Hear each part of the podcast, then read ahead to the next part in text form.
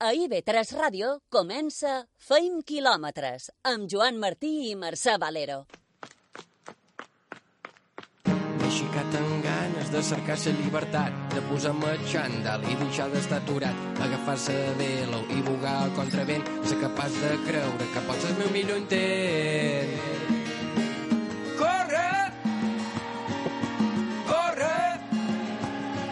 I a vegades no hi ha prou camp per córrer. Fins i tot el món queda petit. Voldríem tornar enrere i canviar el passat. Recuperar el temps o recuperar algú que ja no hi és. Però només tenim una opció. Córrer endavant.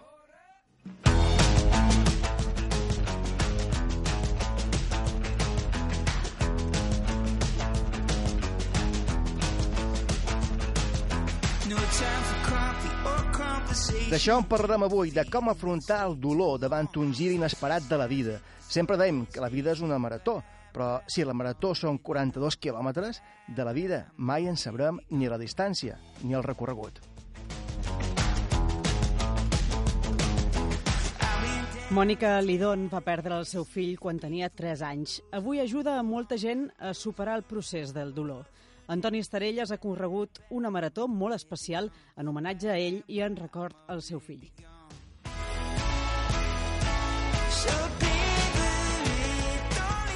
Parlarem amb Maria Ramis, guanyadora de la Falanitza Stream, disputada el passat dijous sant.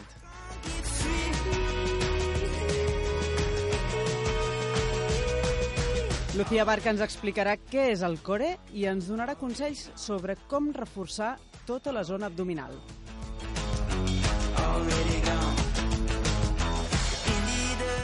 I Carlos Sunyer ens parlarà de bons esportistes que han destacat també com a excel·lents escriptors, capaços fins i tot d'escriure obres mestres. Que la lectura no és cosa de bons esportistes, és una falsa creença que setmana rere setmana queda demostrada i desmuntada. Aquí, a Feint Quilòmetres.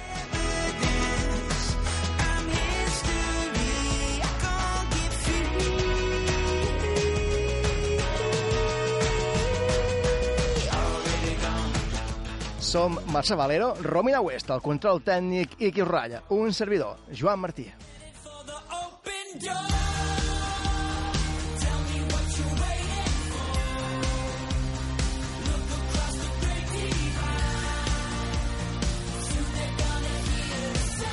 Alejandro Forcades i Maria Ramis guanyen la Falanitxa Stream. Més de 350 participants en la quarta edició d'aquesta cursa per muntanya i Alejandro Forcades va ser-ne el guanyador, tot i una penalització de 3 minuts per haver begut el control de la botella. Va arribar per davant de Biel Company i Damià Ramis. I Maria Ramis, trentena de la General, va ser la més ràpida, seguida de Sílvia Grey i Diana Riesler. Will Beauchamp i Sophie Wood, guanyadors de la setena cursa de Sarriba. Cursa de 7 quilòmetres i mig a Muro, amb més de 300 participants, i, curiosament, els dos guanyadors, masculí i femení, tots dos de l'equip Salford Harriers, un club del nord de Manchester. Eivissa es converteix en el centre de la bicicleta de muntanya. Aquesta Setmana Santa s'ha disputat l'edició 18 de la Volta a Eivissa amb mountain bike. Tres etapes de 71 quilòmetres la primera, 80 la segona i 54 la tercera, amb un desnivell acumulat total de més de 4.800 metres. Els guanyadors han estat la parella formada per Pablo Rodríguez i David Valero, que han completat les tres etapes amb un temps total de 7 hores i 58 minuts, i Charlotte Davis i Celina Carpinteiro, que ho han fet en 10 hores i 8 minuts.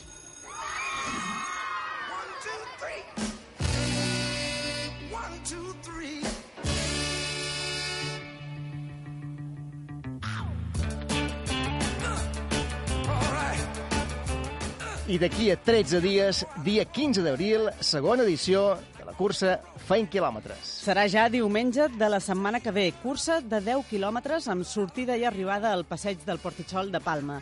Enguany, a benefici de la Fundació Rana, l'associació per a l'ajuda a infants maltractats i que han patit l'abús sexual.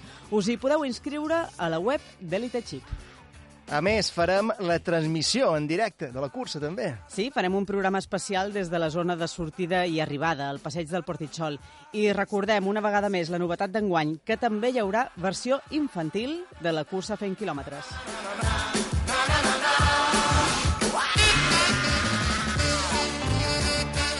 I a més de trobar-nos aquí, a Beta Ràdio, ja sabeu que també som a les xarxes socials, Mercè. Sí, a Facebook, a Twitter, a Instagram i a Spotify. I també tenim web, fentquilòmetres.com, on hi penjam notícies i també les entrevistes que fem aquí al programa. I com dèiem, ens podeu trobar també a Spotify, a la llista FKM, Fent Quilòmetres, on hi trobareu tota la bona música que sona en aquest programa. Feel pretty good, y'all. Uh,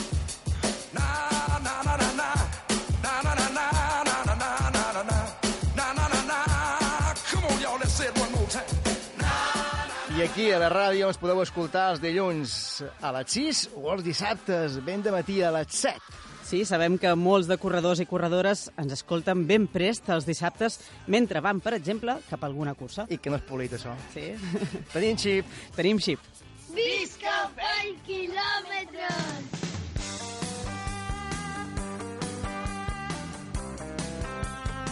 El xip de la setmana.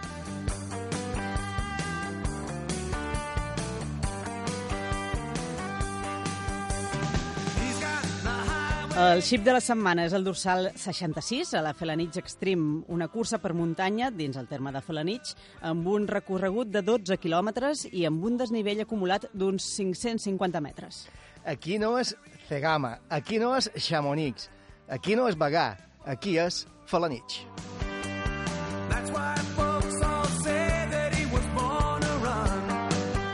Aquest és el peu de foto que Sebastià Oliver, un dels organitzadors, escrivia per acompanyar una imatge multitudinària de la Falanitx Stream, on apareixien les 400 corredores i corredors. I entre tanta gent, el dorsal 66. Maria Ramis, corredora de Mallorca Trail, primera classificada amb un temps d'una hora i 9 minuts. Maria, benvinguda a Fent Quilòmetres. Benvin... Eh, moltes gràcies. Com estàs? Un poc nerviosa, No, però bé. no, faltaria més. Una dona que corre 12 quilòmetres, que, que va a 5 per la muntanya, eh, com ha d'estar nerviosa. Enhorabona per aquesta primera posició. Moltes gràcies. I primera davant de Sílvia Grey i na Diana Riesler. Eh, com va ser la carrera? Va ser molt disputada? No, realment no. Eh, eh, una vegada van sortir, anàvem bastant juntetes, però jo vaig agafar el ritme i ja eh, sortint de Falanit, de, d'Espot, quan pujàvem al Calvari, ja, ja anàvem en primera posició i, i així se va mantenir fins al final de cursa. Com va ser el recorregut? Te va agradar? No sé si era la primera vegada que participaves a la, a la Falanitx Stream. No, ja l'any passat ja vaig córrer i, i més o menys ja el coneixia un poquet i és un circuit preciós. Eh, amb un, amb un, un quilòmetre i mig se pot dir que fas el desnivell més gros, però és molt guapa. Molt, Ja- Una cursa molt recomanable. Hi ha qualque, tra qualque tram que sigui més dur, a lo millor el tram del Calvari. Eh, abans d'arribar al Picot és, és, és lloc on el de nivell és més pronunciat i, i és més dur, però eh, per lo de més està, està molt bé. És una cursa molt, molt recomanable i un ambient fantàstic. Mhm. Ets corredora tant d'asfalt com de muntanya, però ens deies ahir que la temporada acaba de començar. Com ha estat aquest inici? Uh, bé, jo estic molt contenta perquè ara me dedicava més a fer curses d'asfalt perquè, per agafar un pot de ritme, perquè jo realment en muntanya fa, encara no fa dos anys que he començat, uh, va ser per casualitat i, i els meus orígens són l'asfalt i no vull, no vull deixar de banda també curses d'asfalt perquè també m'agraden m'agraden les dues coses. I com I va... a més necessites un pot de rima per, per la muntanya, no només el tècnic, que també necessites un pot de xispeta, mira'm. Clar, i a més va bé combinar les dues superfícies. Dius que va ser Sí. per casualitat. Uh, on va ser aquesta casualitat? Uh, jo preparava una marató a Sevilla, jo havia fet 257 l'any anterior a, a Sant Sebastià i, bueno, vaig fer una preparació bastant, uh, bastant forta i, en teoria, segons les meves... Bé, segons el meu home, el meu, el meu home i entrenador, Manuel Picó, uh, estic per baixar del 57, però no sé què va passar i, i no vaig acabar la cursa de marató. Ah. Uh, I vaig quedar un poc desanimada perquè tinc dos nins petits i hi ha tant de sacrifici per fer tot això, dic, no val la pena. I vaig estar durant mig any que anava... Perquè jo mai he deixat entrenar ni embarassada. Sempre anava, fent els rodatges, a poc a poquet. sempre, sempre. A més, ha estat No tres munt- mesos abans de no- final de l'embaràs. No anaves per muntanya, però, o sí? No, a muntanya Ah, no, no ah. anava per muntanya. Jo muntanya va ser dos anys, eh, ara farà dos anys que he començat realment. Uh, I feia rodatges i això. I, i vaig dir, no, home, uh, un poquet abans de... El, el dia 12 d'octubre, dic, Manolo, ja ara ja tinc ganes de que em facis posar d'entreno, ja, ara ja estic bé. Uh, I em diu, per què no corres la marató de muntanyes d'Artà per fer un rodatge? Dic, i després te retires. I jo dic, ai, jo si surt, si puc acabar la cap. No me retir. Me retiro, sempre som atents a retirar-me. I, I vaig per dir, sense haver entrenat res de muntanya i sense haver fet més que dues setmanes abans, vaig fer, un- vaig dir, bueno, me convendrà fer qualque rodatge llarg, perquè si no jo no sé si, si podré acabar o no, no podré acabar. I realment va anar molt bé, vaig fer du- eh, 4 hores 33, però sense haver preparat res. I un poquet més endavant, en Dani Sales eh, se va posar en contacte amb el meu home, veure, perquè se coneix... En Dani Sales, perquè els oients ho sàpiguen, és un altre entrenador, també. Sí, sí, sí, però se coneixen el meu home i tot això, i li va demanar a veure si, si està interessada en formar equip amb ells per anar al Campionat d'Espanya de Clubs a Sumaya, i, bueno, i va, me vaig decidir i va demanar, i molt bé. I va ser arrel d'això, que en Dani... Eh, per en Dani Sales, direm, va ser arrel d'ell. Això ja fa dos anys. d'estar agraïda. Això havia ja fa dos anys i ahir vaig ser la primera classificada, guanyadora de sa- aquesta Stream. Tens qualque objectiu marcat en vermell en guany, tant asfalt com a muntanya? Bueno, ara se, el Campionat d'Espanya de, que és el dia 10 de juny, que és a Mabo, Uh -huh. que és de seleccions, i després supos que bé, també hem d'anar al Campionat de Clubs, que, que se fa el 21 d'octubre, i bueno, també vull fer la marató de, munta eh, la marató de, de Sulta Pirineu, que se Ah. fa a final de, de setembre. Paraules I majors, també. o sigui, asfalt, asfalt, eh, encara no ho tenc clar, perquè ja vaig anar a Sant Sebastià a fer una mitja marató, que va ser el mes de novembre de l'any passat, però encara he d'acabar a Clerguia. Ara, ara m'he de centrar més en muntanya. Ara he de fer més en muntanya, perquè ja he agafat el ritme i ara fa més de tècnica, direm. Molt bé, moltes gràcies, Maria Ramis, per haver estat avui aquí al xip de la setmana. Enhorabona per aquesta victòria a la Falinx Stream eh, i molta sort per tot això que vindrà ara endavant.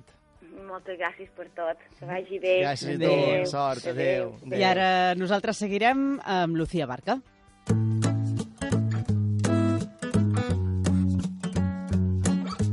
L'avituallament.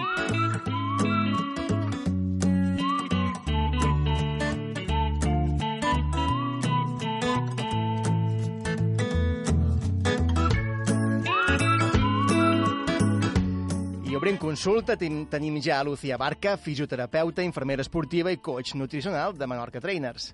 Benvinguda, Lucía, a 20 quilòmetres. Hola, hola, ¿cómo estáis? Molt bé, i tu? Bien también. Dia de descans avui? Mm, trabajo de Ah, casa, t'ha lo dejaremos també. ahí. Bueno. Avançaves la setmana passada que avui parlaríem de la importància del core. Si bé és un terme bastant estès ja, eh, primer de tot, què vol dir aquesta parauleta? Core. Seguro que nos suena, ¿verdad? La Sí. hemos oído más Sí. de una vez. Es un vocablo del inglés que significa núcleo y está ubicado en la parte central del cuerpo. Es, como ya hemos dicho en otras ocasiones, la musculatura profunda del abdomen y de la pelvis. Y aquí está el centro de gravedad del cuerpo. Por eso es tan importante, porque de ahí se inician el resto de movimientos que vayamos a hacer. Los músculos del core nos ayudan a generar y transferir la fuerza, la estabilidad y el equilibrio. También la potencia que nos ayudarán a estar primero protegidos y segundo ser más eficientes tanto nuestras durante nuestras actividades de vida diaria como a lo que nos atañe nuestra actividad deportiva. Son músculos como el transverso del abdomen, los glúteos, la musculatura del suelo pélvico, los oblicuos, los transversos. Esta musculatura está formada por 29 pares de músculos cuyas inserciones tienen relación con esta zona. Son muchos, sí. I escolta, per, què es parla tant de core i per què és tan important per a esportistes? Pues mira, es necesaria para prevenir lesiones, ya que si tenemos en cuenta que la mayoría de los gestos deportivos y también de actividades de vida diaria son movimientos tridimensionales que requieren tanto fuerza como equilibrio del tronco en los tres planos, y una alteración de estos factores resultará en una técnica ineficiente que nos llevaría a lesiones, fijaros. Y uno de los ejemplos más claros es, por ejemplo, el dolor de espalda y las lesiones vertebrales relacionadas con el impacto, por ejemplo, al correr. Si esta zona no está bien fuerte, el impacto puede generar choque entre las estructuras y podemos generar lesiones. Por lo tanto, un core fuerte y eficiente es la mejor prevención de lesiones y nos harà mucho más eficientes en nuestra actividad deportiva. Por ello es tan importante. I, Lucía, podries donar alguns exercicis bàsics per reforçar tota aquesta zona? Claro, os, os, di- os diré cuatro, muy sencillos, seguro que los conocéis. La Sí. plancha simple o plancha clásica, Mm. ¿sabéis? Este ejercicio que nos apoyamos en los antebrazos, en las punticas de los pies, con la pelvis neutra, la espalda recta, el ombligo dentro y nos mantenemos ahí, pues podemos empezar. Si somos de iniciación con unos 15 segundos, acompasando con la respiración, tomamos aire y al soplar llevaremos el ombligo dentro para incidir un poquito más en esa zona. Ja recta, som- Mercè. Ara ja tenim en terra i intentant fer planxes. Cuidado que no se baje la Ah, lo más venga. importante, Mercè. L'esquena recta. Y luego, en más experimentados, podemos hacer hasta un minuto, minuto y medio. Joan, ¿tú haces un minuto y medio? Seguro Jo en que faig sí, ¿verdad? tres. Ah, no me cabía la mentalidad. Otro ejercicio más, la plancha pero lateral. Apoyamos los Ah. pies, apoyamos una mano, la otra mano para arriba. Este es un pelín más complejo. Podemos hacer con el apoyo en mano o apoyo en antebrazo. Mira, jo amb, jo amb aquesta planxa lateral sempre tinc un dubte. Què hem de fer amb els peus? Posar-ne un damunt de l'altre o de costat? Com ho fem? En función, en función de, de lo expertos que seamos. Esto es como todo es práctica. Al principio lo mejor es poner un pie delante y otro detrás, alineaditos. Cuando ya tenemos un poquito más de mm, más de dominio de la técnica, pondremos un pie sobre el otro. Que no sé, lo habéis probado, es un poquito más más complicado. Pero Mm. luego esto es muy personal. Cada uno tiene su técnica, pero ya te digo, tenemos las dos opciones. O un pie delante del otro, bien alineados, o uno sobre el otro. Es Y tracta siempre de, tro mantener la espalda recta. de trobar una posició còmoda sense deixar de fer l'exercici correctament, no? Eso es, siempre vigilando mucho la técnica. A veces en, este, en estos ejercicios intentamos un poquito más de segundos, pero recordad, si perdemos la posición es mejor parar y hacer más repeticiones, pero siempre con una buena posición. Uh -huh. Un altre Otro ejercicio más. Adam, sí? ¿Os suenan Venga, los mountain climbers? Com? Mountain climbers, ¿Y es? de escalador. Ah, Es en posición de plancha, pero en vez de apoyo con antebrazos, apoyo en manos y puntas de pies, y llevaremos la rodilla al pecho, primero una y luego la otra. Es un ejercicio que cada vez que llevamos la rodilla al pecho soplaremos y meteremos ombligo. I així també reforçam la part abdominal. También traba- es un ejercicio de trabajo global, pero que hacemos mucho hincapié en la zona de core. Vale. I ja és quart, Y el cuarto, un ejercicio también muy conocido que es el puente de glúteos. Mm. ¿Os suena? Vam, Mm, sí, crec que sí. Explica'l. És el pont, és el pont de sempre, no? Que, que... Explica'l, explica'l. Apoye- apoyamos pies con rodillas flexionadas, nos tumbamos boca arriba Ah, y hacemos el apoyo con los brazos, elevamos la pelvis, elevamos los glúteos, quedando pues en esa posición de puente. Y desde ahí, comprimiendo fuerte los glúteos, como si tuviésemos un papel entre las nalgas. Si tuviéramos que apretarlo, nos mantenemos en esa posición. También con el ombligo dentro y la espalda recta. Y luego podemos hacer versiones, por ejemplo, ir eh, haciendo extensión de rodilla, elongando la pierna y manteniendo ahí solo con apoyo en un solo pie. En estos ejercicios hay muchas versiones que nos, nos pueden ayudar a complicarlos, a aumentar su dificultad y a que nos resulten más divertidos. Per tant, tindríem quatre exercicis Ujú. per reforçar la part abdominal, això que anomenem Mhm. core. Planxa clàssica, planxa lateral, mountain climbers o escaladors de muntanya eh? Ujú. i pont de glutis. Eso es. Sí. Y recordar siempre que durante la realización de estos ejercicios, espalda recta, ombligo dentro, acompasarlos con la respiración, hombros bien relajados y también ser progresivos, empezar con menos segundos e ir subiendo pro- progresivamente. Y ya sabéis, para hacer muchos kilómetros con seguridad, siempre ejercicios de core. Després penjarem aquests exercicis on es veuen a Lucía fent-los i uh Mhm. podeu saber com s'han de fer correctament. Uh, Lucía, per la setmana que ve, de, de què xerram? ¿Qué os parece de la, si hablamos de la grasa abdominal? ¿Cómo Molt acabar bé. con ella? ¿Cómo quemarla? És impo- no existeix. sí, sí, sí, tenemos unos truquillos, ya os los contaré. Molt bé, doncs, consells per cremar de manera efectiva i sense miracles, supos. Eh? Sí, no hay milagros, aquest hay greix trabajo. abdominal, que a la vegada podem complementar també, supos, amb aquest exercicis de core. Sí, Wow, sí, sí. Serem, fan, Estarem- seran fantàstics. Uh, Lucía Barca... Això és operació bikini, ja. Sí, total. Fisioterapeuta, infermera esportiva i coach nutricional de Menorca Trainers i Feint Quilòmetres. Moltes gràcies i, i dilluns mos dus a, aquesta proposta. Aquí estaré sin falta. Adéu, Lucía. Adéu. Un beso, adiós. Fem una aturada i tornem tot d'una.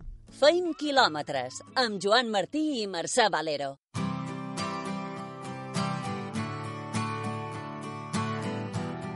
L'entrevista.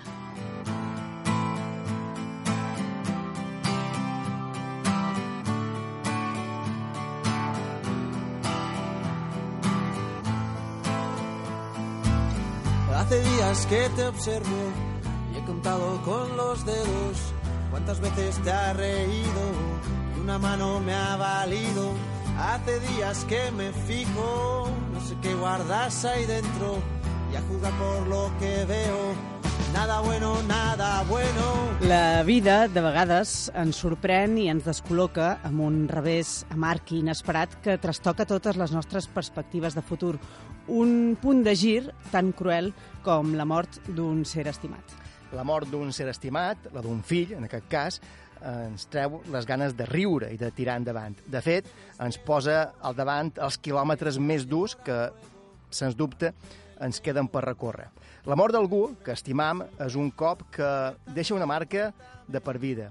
Però la vida, a vegades, i amb el pas del temps, també ens dona la possibilitat de mirar-la amb altres ulls, malgrat, per això, sigui necessari tot un procés intern d'enfrontament amb un mateix. Grita, te la mano, tú agarra todo el brazo. És el cas de Mònica Lidón, que un dia va veure com la seva vida canviava per sempre. Na Mònica va perdre el seu fill, que va morir ofegat quan només tenia 3 anys. Després d'haver passat aquest procés intern i després de molta lluita per superar aquest episodi traumàtic, de ben segur, na Mònica ajuda avui a la gent a superar aquest procés de dol. Mònica Lidón, Hola, bon dia. benvinguda a Fent Quilòmetres. Gràcies, moltes gràcies. Uh, dius en un article publicat en el teu blog que el dia que va morir en Jaume, uh, en part també vas començar a morir un poquet tu, no? Uh, has recuperat el somriure, tornes a riure i sobretot desprens il·lusió per la vida quan te senten xerrar. Imagino que tot això és fruit d'un procés intern però també molt dolorós. Bé, jo com dic en el meu blog, aquell dia vaig morir amb el meu fill i la feina va ser tornar a néixer. El que te dona la força és tot l'amor és l'amor que jo sentia per en Jaume. Jo no podia consentir que en Jaume fos mi verdugo, como siempre digo. ¿vale? Am, le debía le debía mi recuperación a mi hijo. Entonces, nada, me puse a ello. Me puse a leer mucho, me puse a buscar ayuda profesional y, y a darle un sentido nuevo a mi vida. Y realmente es posible, os lo aseguro que es posible. Y ese sentido nuevo es, pues como bien dices, ayudar a las personas que pasan un proceso así, porque la muerte existe, aunque no la queramos ver, cada día. Se pasa muy mal, es un proceso muy doloroso porque además no está integrado en la sociedad como tal. No queremos mirarlo porque es muy doloroso y por, y por eso cuando, te, cuando estás en un proceso así te sientes muy solo, incomprendido porque nadie sabe qué hacer, ni cómo tratarte, ni cómo hablarte Ni com actuar. ni com actuar, no, perquè no m'agrada mirar lo dolorós, només m'agrada mirar lo que està bé, lo divertit, colgant fotos en el Facebook tot el dia de lo bé que estem, però la gent pateix, i això existeix. I per això jo vull fer el que faig ara, que és estar allà quan realment ho necessites, que és quan estàs malament. Mm. Aquesta experiència t'ha fet veure que pots ajudar eh, persones que han passat per un procés similar de, de pèrdua. Sí, sí, sí de... bé, he muntat la meva consulta per, per ajudar la gent en aquest procés, també col·laboro amb una associació de, mm, que es diu DIME, Cuenta con Nosotros, que Ujú. es una asociación de cuidados paliativos de las Islas Baleares, donde damos apoyo a los enfermos que están en la última fase de vida, en el Hospital General y en Joan Marc. Entonces, también colaboro con ellos, voy una vez por semana al hospital, hacen una labor increíble porque realmente la gente cuando está en esa fase, que al final los enfermos te regalan mucho más de lo que tú a ellos, porque te dan que es lo más valioso que tienen, que es su tiempo en esa etapa de la vida, que es la última, y te dan unas lecciones porque ellos saben lo que realmente es importante de la vida cuando están en ese momento y yo estoy muy agradecida. Y todo esto es gracias a la muerte de mi hijo, que me ha transportado a un mundo que yo desconocía y he aprendido a tener una relación con él desde su ausencia, pero está más cerca de mí que nunca y estoy, segura de ello, ¿eh? lo puedo confirmar. Dius en aquest article que esmentàvem, i tu comentaves un poc ara també, que la muerte en nuestra sociedad es un tema tabú. Se asocia al fracaso, produce tanto dolor que nadie quiere ni puede mirar ahí. Por ese motivo, una persona que está atravesando un proceso de duelo se siente inmensamente sola e incomprendida. Se asocia al fracaso, dius també. Sí, la muerte está muy asociada al fracaso. Cuando alguien sufre, y tú te das cuenta cuando estás en ese proceso, cuando alguien sufre la muerte de un ser querido, lo compadecemos. Es como, pobrecito, qué mal, como, jolín, con la vida que tenía y lo que... cuando tiene una enfermedad. Es un fracaso morir, es como nos han derrotado cuando se habla de cáncer, es una lucha que hay que ganar. No lo tenemos a la muerte integrado como una parte más de la vida, no es un fracaso, es una parte de la vida. Todos nacemos y no sabemos cuál es nuestra fecha de caducidad, pero nadie se lo para pensar. Nos creemos que vamos a vivir eternamente y vamos a vivir 90, 100 años. ¿Por qué tenemos esta idea? ¿Por qué todo el mundo se cree que se va a hacer viejo, mayor, que va a tener hijos? ¿Por qué? Porque I per què creus que és un tema tabú, la mort? Eh, eh, el fet de parlar-ne ta, eh, tan obertament com ho fas, Mm. mm, t'ha posat en situacions complicades o compromeses davant altra gent que s'ha sentit incòmoda? Sí, no todo el mundo tiene capacidad para hablar de la muerte, ni... pero tú lo ves enseguida esto, quién está cerrado, y es porque se sufre, porque es doloroso. Es un tema doloroso y no todo el mundo está capacitado para hablar sobre el dolor. O, o yo creo que cuando yo tengo más facilidad porque he pasado mucho dolor, entonces eh, puedo, puedo estar soportando el dolor y puedo hablar de ello, pero no a alguien que no... Eh, Había gente cuando murió Jaume, lo recuerdo, que me veía y cruzaba de acera para no cruzarse Per no, conmigo. per no haver de parlar amb tu. Per no... Claro, y no, no- ahora lo ves desde otro punto, no se lo puedes tener en cuenta porque es que estaban muertos de miedo, no sabían cómo actuar. Y yo no necesitaba que me dijeran nada, más bien en ese momento solo necesitas que no digan nada, porque lo que se suele decir, ánimo, el tiempo. Uf, yo recuerdo mi jefa, que es la mujer de Tony. Ah, claro, a los tres días volví al trabajo, entonces estaba, imaginaros, muy enfadada, no, no quería hablar.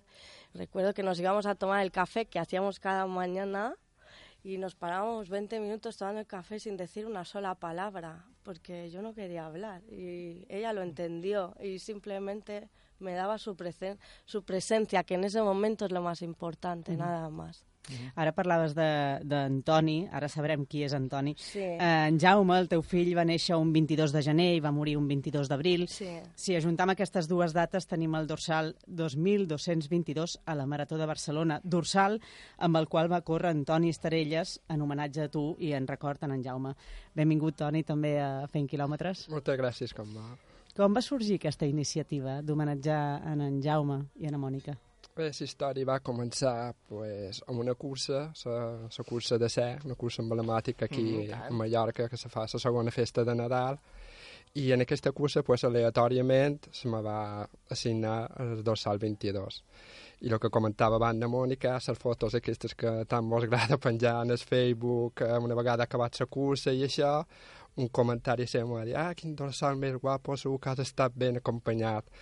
I li vaig comentar a la meva parella, la Xisca, que també és companya seva de feina, a veure quina història hi havia en número, en aquest número 22, i me va comentar pues, el que representava i això, i res, va quedar aquí. Un poc més endavant, ja quan... Eh, bé, un dia qualsevol que ja va venir a cap a veure-me que ja estava inscrit ja per fer la marató de Barcelona i me va venir a cap a veure-me que estaria bé pues, intentar sol·licitar o almenys me podien assignar aquest dorsal i a veure si, si hi havia sort. Ho molt difícil perquè la veritat que aquestes proves eh, s'ajunten a 20.000 persones, més o menys, i cadascú deu tenir la seva història, però bé, van provar, vaig comentar abans en Echis que veurem què li pareixia, perquè també és un tema que a lo millor no se sap molt bé mai si com pot caure i tal, no? I sí, sí, clar, sí, segur que li farà molta il·lusió a Mònica, endavant, endavant.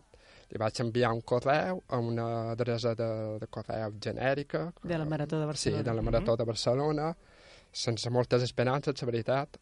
I res, es cap d'una setmana d'haver-lo enviat, me van contestar un correu així bastant neutre, ni sí ni no, i res me venia a dir que, que bé, que era un gest eh, molt entranyable, que, que sí, que la veritat que, que sí que mirarien de veure el que podrien fer, però que tingués en compte que això era un programa informàtic que assignava els dorsals en funció dels temps que tenia per haver fet la gent a la marató i tal vegada pues, no seria possible, però que traspassaven la petició en la seva uh, àrea d'informàtica, no sé, una, mm. -hmm. així, i que per poc que se pogués, pues, mira, uh, mirarien de fer-ho.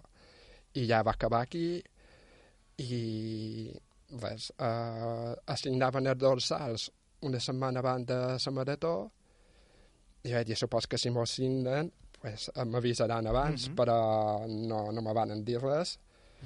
I el dia que assignaven el dorsal, que això envien un correu genèric a tots, pues, m'ha arribat el correu, és veritat que quan ho vaig veure, que m'havien assignat el 22-22, mm -hmm. pues res, me va pesar una pujada d'alegria i a la mateixa vegada, tot d'una, després d'aquest subidon que me va pegar, pues, de responsabilitat de, de que havia d'acabar la cursa sí o sí. Això anava a demanar, com va ser la cursa Quina pressió. després? No? dir, ara no puc... no podies fallar. No, no, no puc fallar ni retirar-me, que la Mònica esperarà la meta que arribi als 22-22. Perquè tu hi vas anar, Mònica? No, ah. jo no vaig poder anar, perquè vas a Barcelona, però ho seguíem aquí, no xisco uh -huh. jo. Clar, clar, clar. I com va anar la cursa? Com va anar? Eh, la cursa va anar una monada, no? Jo cosa molt difícil vaig arribar en aquesta cursa sense estar lesionat, que la veritat que és algo pràcticament impossible, i no estava lesionat, molt content perquè tots els entrenos m'havien sortit bé, dins les meves possibilitats, i se va dar la circumstància de que el dia abans pues, me vaig refredar. Justament. Sí, sí, me vaig refredar i vaig... Eh, vaig, vaig partir cap a Barcelona ja tot carregat de moc i això, però bé, van sortir la cursa i no va sortir en el temps previst, però la veritat que... Vas poder acabar. acabar, estava segur que encara que fos caminant...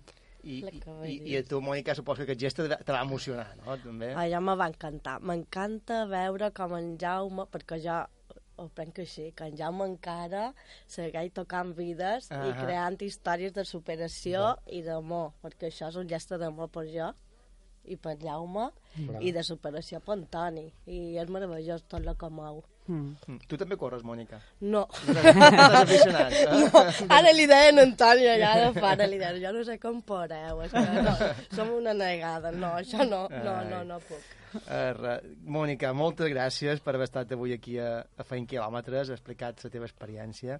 Enhorabona per aquesta feina que, que fas donant suport a, a la gent que, que passa eh, malament en aquest, en aquest procés de dolor i perquè és molt important ser-hi també allà encara que no diguen res, no? Com tu sí. dir, encara que no diguen res, lo, més important. és ser-hi.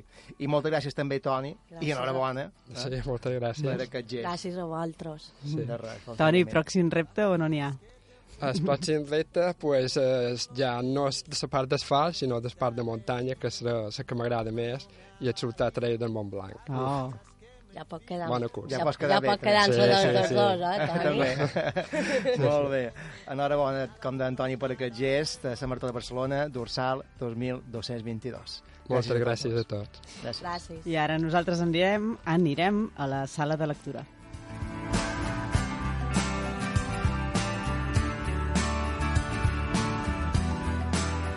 Feim quilòmetres. Correm i llegim.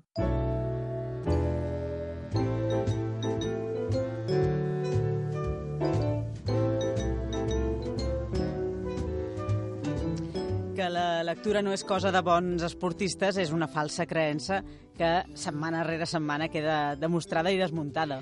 Avui demostrarem, a més, que bons escriptors han estat molt bons esportistes. O dit d'una altra manera, bons esportistes que han destacat després com excel·lents escriptors. És la proposta que aquesta setmana eh, ens fan Carlos Sunyer. Carlos, no és així? Sí, és així. Interessant, eh? Sí. I més Sí, pensau sí, que és escriptor és, és el creador artístic es mou menys. Per tant, jo crec que és una bona combinació que se, que se bategui una mica. Per tant, avui parlarem, com dius, d'escriptors de veritat, d'aquells que amb la seva obra han marcat la història de la literatura i, i, i el pensament, però que, a més a més, duien un atleta a dins. De qui estan parlant?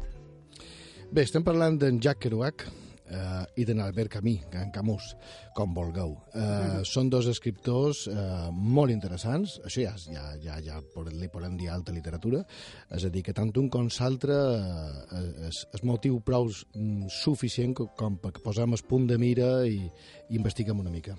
Kerouac. En Jack Kerouac, començam amb ell. Sí. Molt bé. Uh, bé, és un escriptor nord-americà, és eh, pioner de la generació beat, és un far per generacions fotos guassa, aquesta prosa eh, entremesurada i anàrquica que tenia va revolucionar molt el món de les lletres. A partir d'ell després va arrossegar tot el que seia el moviment hippie eh, i tots els seus temes que són els viatges, l'espiritualitat, especialment vinculada amb el budisme, l'existència libertària, el jazz, que això va influir molt en en Cortázar, eh, va, mm, va eh, repercutir en tota la literatura de l'època, no només nord-americana. Pensem que estava nació vi també en William Burroughs o en Allen Ginsberg, dos eh, fars també de maneres diferents, no? i massa tal vegada vinculats al món de les drogues. En Burroughs a l'heroïna i en Ginsberg a l'LSD. Però també en Kerouac eh, es va interessar eh, per aquesta, aquesta deriva que suposa el món de les drogues. I va morir en 47 anys per alcoholisme. Eh? I el seu gran reconeixement va ser posterior a la seva vida.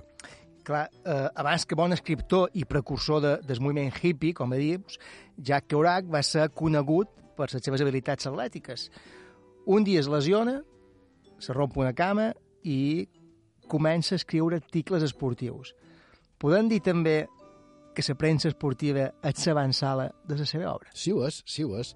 De fet, et refereixes a Columbia Daily Spectator, que és on ell, ell escrivia, eh, eh, no era un diari massa tirada, però ell, ell eh, se sentia molt alliberat com a, com a creador, com a escriptor, eh, també eh, en el seu rol de periodista. Li agradava moltíssim, perquè era una, una manera d'observar els altres i poder plasmar damunt els seus articles i seus reportatges el, el, el que ell pensava. Com bé dius, ell va destacar en el, en el futbol americà. De fet, tenia una beca eh, en, el, en el Boston College i a la Universitat de Columbia. Era molt bo. I a més era un velocista remarcable en el club d'atletisme de Massachusetts. És a dir, que estem parlant tot un atleta efectivament va tenir, va tenir una lesió, va una, una, una fractura a una cama i mai va poder recuperar l'estat de forma que anterior. Discutia constantment el seu entrenador. Per cert, en Lou Little, que ha escrit un llibre només de... va escriure un llibre sobre les discussions i com, i com el tio se li tirava damunt perquè el posava a la banqueta i ell volia tornar eh, a ser l'esportista que, que havia estat. Eh?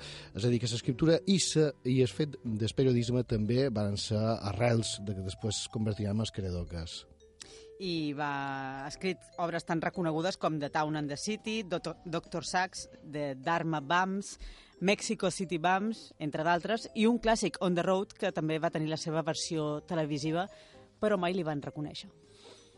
És així, uh, On the Road de l'any 2012, uh, d'en Walter Sales, uh, està bé, per cert, i tot diaris d'una motocicleta, eh, però manca el lirisme, manca el batec de la novel·la. Això és molt difícil de, de, de dur a, a, en el cinema. No és com un argument lineal, es, estructurat d'una manera que es pot convertir fàcilment en un guió. Això és literatura on es combinen, on hi ha monòlegs interiors. Com fas això, no? És com fer una pel·li de, de, de, de, de de James Joyce, no es farà mai. És a dir, i, i aquí també hi ha una línia semblant. Per cert, a Ruta 66 de l'any 60, que la, la va demandar i tot, no? perquè mm, no tenia res a veure amb el que ell havia escrit.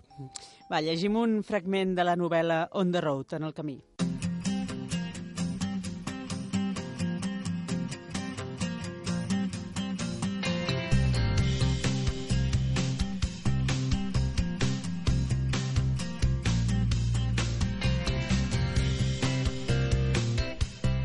Llavors ballàvem pels carrers com baldufes embogides i jo anava rere ells, com he fet tota la meva vida, perquè l'única gent que m'interessa és la que està boja. Boja per viure, boja per parlar, boja per salvar-se, que té ganes de tot. La gent que mai badalla ni parla de llocs comuns, sinó que crema, crema com fabulosos coets grocs explotant igual que aranyes entre les estrelles. Un enamorat de, de la vida i dels vicis de la vida. Efectivament. Clar, eh, el que, el que realment ha dit aquí és que la vida es presenta ara, és, és, és les sensacions immediates, i és igual una mica si les conseqüències de, de l'experiència, malgrat s'agafin la curva amb massa velocitat, s'agafa amb velocitat, perquè, és, perquè la vida és moviment, la vida és força. I ell, quan diu allò, la gent eh, boja, la gent que m'interessa, no? eh, el que està deixant molt evident és que no imitarà ningú, no copiarà ningú. Ell viurà, es, eh, seguirà la intensitat sostinguda que se li presenti davant sigui del tipus que sigui. Jack Kerouac, esportista, músic, escriptor de prosa i poesia, més pioner de la generació beat, com has dit bé al principi. Grup d'escriptors de la dècada dels 50 que es caracteritza pel rebuig eh, en els valors tradicionals nord-americans, un- d'una gran llibertat sexual i per l'estudi també de la filosofia oriental. I tot això desemboca en una contracultura i en les primeres passes també del moviment hippie. Va, Carlos, següent escriptor. Eh, el següent mm, va néixer a Algèria.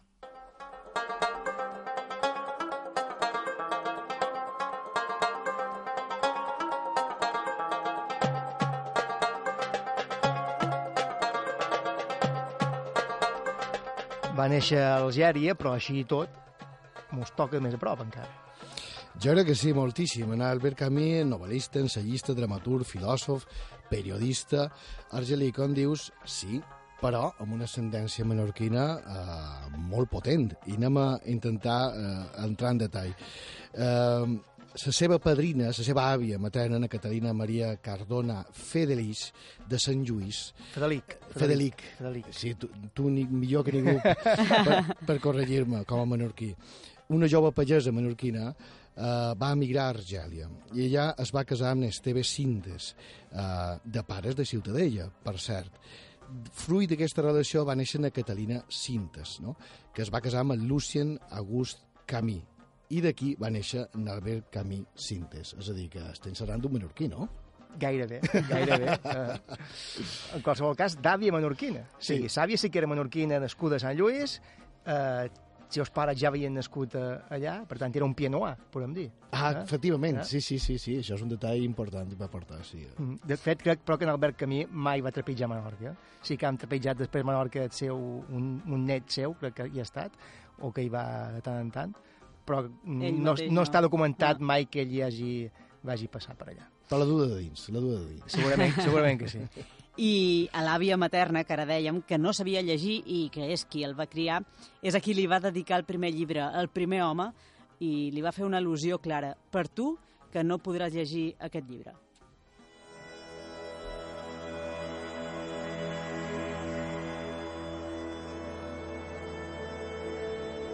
De fet, el primer home, aquí on fa referència aquesta frase, relata els anys d'infància a la ciutat d'Alger, on va començar el seu amor per la literatura, però també, i allà on anam, a la seva passió per fer, per fer quilòmetres de bon matí, per l'esport, també. És així, és un home que sortia a córrer, un home que eh, practicava un running pioner, un existencialista i filosòfic, i ara, sense conya, evidentment que li, li devia reper- repercutir en aquest esquema mental tan profund que tenia com a pensador. Eh, és a dir, que això que sempre hem dit que escórrer eh, suposa un viatge interior eh, en els pensaments, en les emocions, en les sensacions, en el seu cas és una obvietat. I com bé, bé dius, el primer home, eh, que per cert està dividit en, du en dues parts, la primera trata la infantesa i sobretot la vida d'espare i la segona la seva vida després de l'ingrés en el liceu. És autobiogràfic, emplea un alter ego, eh, Jean Comegui, i ell torna, com bé dius, en el país natal. Ja té records la família, que era pobra, sa mare vídua, a l'oncle, que era professor d'escola, com bé deis, que és un incentiu per la seva lectura i eh, eh, la seva lectura va produir la seva escriptura. Narra el magnetisme de l'esport molt bé en aquest llibre perquè esport sempre és superació personal. Premi Nobel de Literatura el 1957, pare de l'existencialisme justament amb en Jean-Paul Sartre. A veure, que a mi contava que sortia a córrer cada matí, com, com bé dius. No sé si això té res a veure en ser també considerat un dels pioners de la literatura de l'absurd. No sé fins quin punt l'afectava el fet de sortir a córrer o si posava en bord de les idees. Uh, no per lo que escrivia, sinó per el seu concepte de, de vida moderna. Ara que mentre corries pensaments fluïen d'això, n'estem segurs. D'això n'estem segurs. Sí, però eh, jo estic seguríssim de que, de que aquesta, aquest corrent de l'absurdisme, que per cert que li va separar d'en Sartre, perquè en Sartre aquí ja no va entrar, es va quedar amb un, existen un existencialisme més, més, més gris, més basat en, eh, en Schopenhauer o en Nietzsche. En, en, en canvi, mm, va evolucionar cap a aquesta línia absurda, que és una manera positiva, perquè d'alguna manera eh, resta dramatisme en, en, es, en les angoixes existencial i, i històries una mica més, més tenses i, i, i espeses. Eh, ell va renegar del que seria nihilisme, és a dir, de, de, bé, com que no entenem res, com que ens morirem, això ja no té sentit, doncs eh, m'amargaré. Eh, està clar que una persona que li agradava tant l'esport, ja ho, ho seguirem comentant, i que sortia a córrer i que volia gaudir de sa vida i que valorava molt les seves arrels, eh, aquest home de dins tenia un optimista. I segur que el fet de córrer eh, encara va reforçar més aquesta tendència. i a la seva obra en general elabora una reflexió sobre la condició humana i no són poques les vegades que escriu sobre els valors ètics i morals també que ha après a través de l'esport. És així, de fet, eh, hi ha una catàssis de l'esforç físic vinculat a la progressió intel·lectual. A veure, ell, eh, ell li, li apassionava el futbol, també. De fet, va ser porter de l'equip juvenil del Racing de la Universitat de- de- d'Argèlia, que va jugar des de l'any 8 28 a l'any 30-31 una tuberculosi eh, li va produir d'alguna manera eh, eh, la fi d'aquesta carrera que ell, ell li apassionava. De fet, ell deia, això és literal, tot el que sé amb certesa sobre la moral i les obligacions dels homes ho sé per l'esport i el que vaig aprendre a l'equip de futbol. I una altra vegada que li van demanar a Mensi eh, que, que li agradava més el teatre, perquè eh, també eh, tenia texts molt interessants teatrals, o el, el, el futbol, o l'esport en general. I ell no dubtava, jo, el futbol, l'esport, és dir, allà és on més m'enriqueix com a persona, més que anant al teatre. Això no ho podem dir molt fort, però... però ho hem dit. Hem parlat avui de Jacques Kerouac i Albert Camus Cintes, dos grans de la història del pensament, mestres de la literatura i la filosofia, però coneguts també i ha quedat demostrat aquí en les seves obres per les seves habilitats atlètiques. I, de fet, no són poques les al·lusions i referències a l'esport que trobam en tota la seva obra. Carlos Sunyer, quines coses que m'ho expliques eh, en aquest programa? Sí, encara en diria més, perquè ara m'ha vengut en el cap que, a més, era un bon nedador i fins i tot va tenir una, va obtenir dos trofeus a, a fent, practicant boxa. És a dir que, eh, i d'això n'estic segur, perquè eh, era un dels pilars que li van dur en el, en el futbol. És a dir, que ell entenia l'esport d'una manera molt àmplia. Albert Camí. En Camí. En Camí. En Camí. Carlos Sunyer, moltes gràcies per haver estat aquí una setmana més i t'esperam la setmana que ve amb una altra proposta tan interessant com aquesta. A vosaltres, moltes gràcies.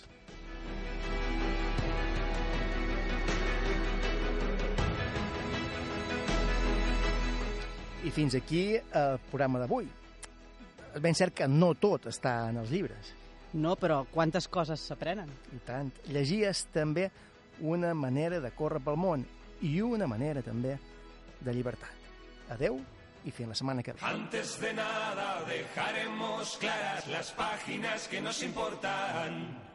Las de libros abiertos, de vidas cercanas, paredes que por siempre callan. Que al resto del mundo deseo sincero de éxitos en la batalla. Que pensemos despacio, queramos deprisa y caminemos con la frente alta.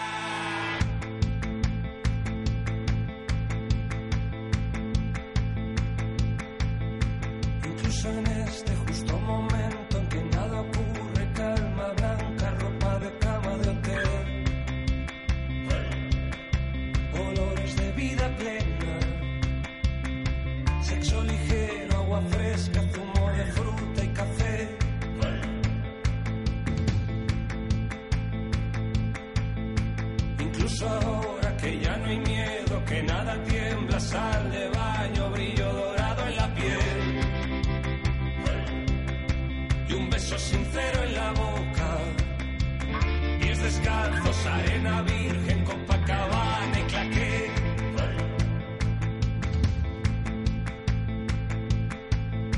Cine desierto, sol en la cara, latina riente, ron de caña, domingo desde las tres. Terraza de vino y rosas.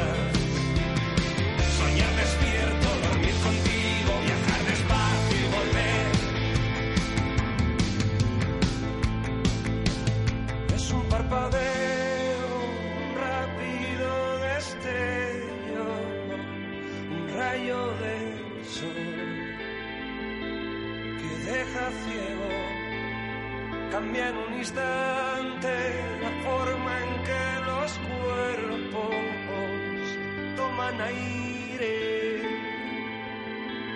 y para el tiempo.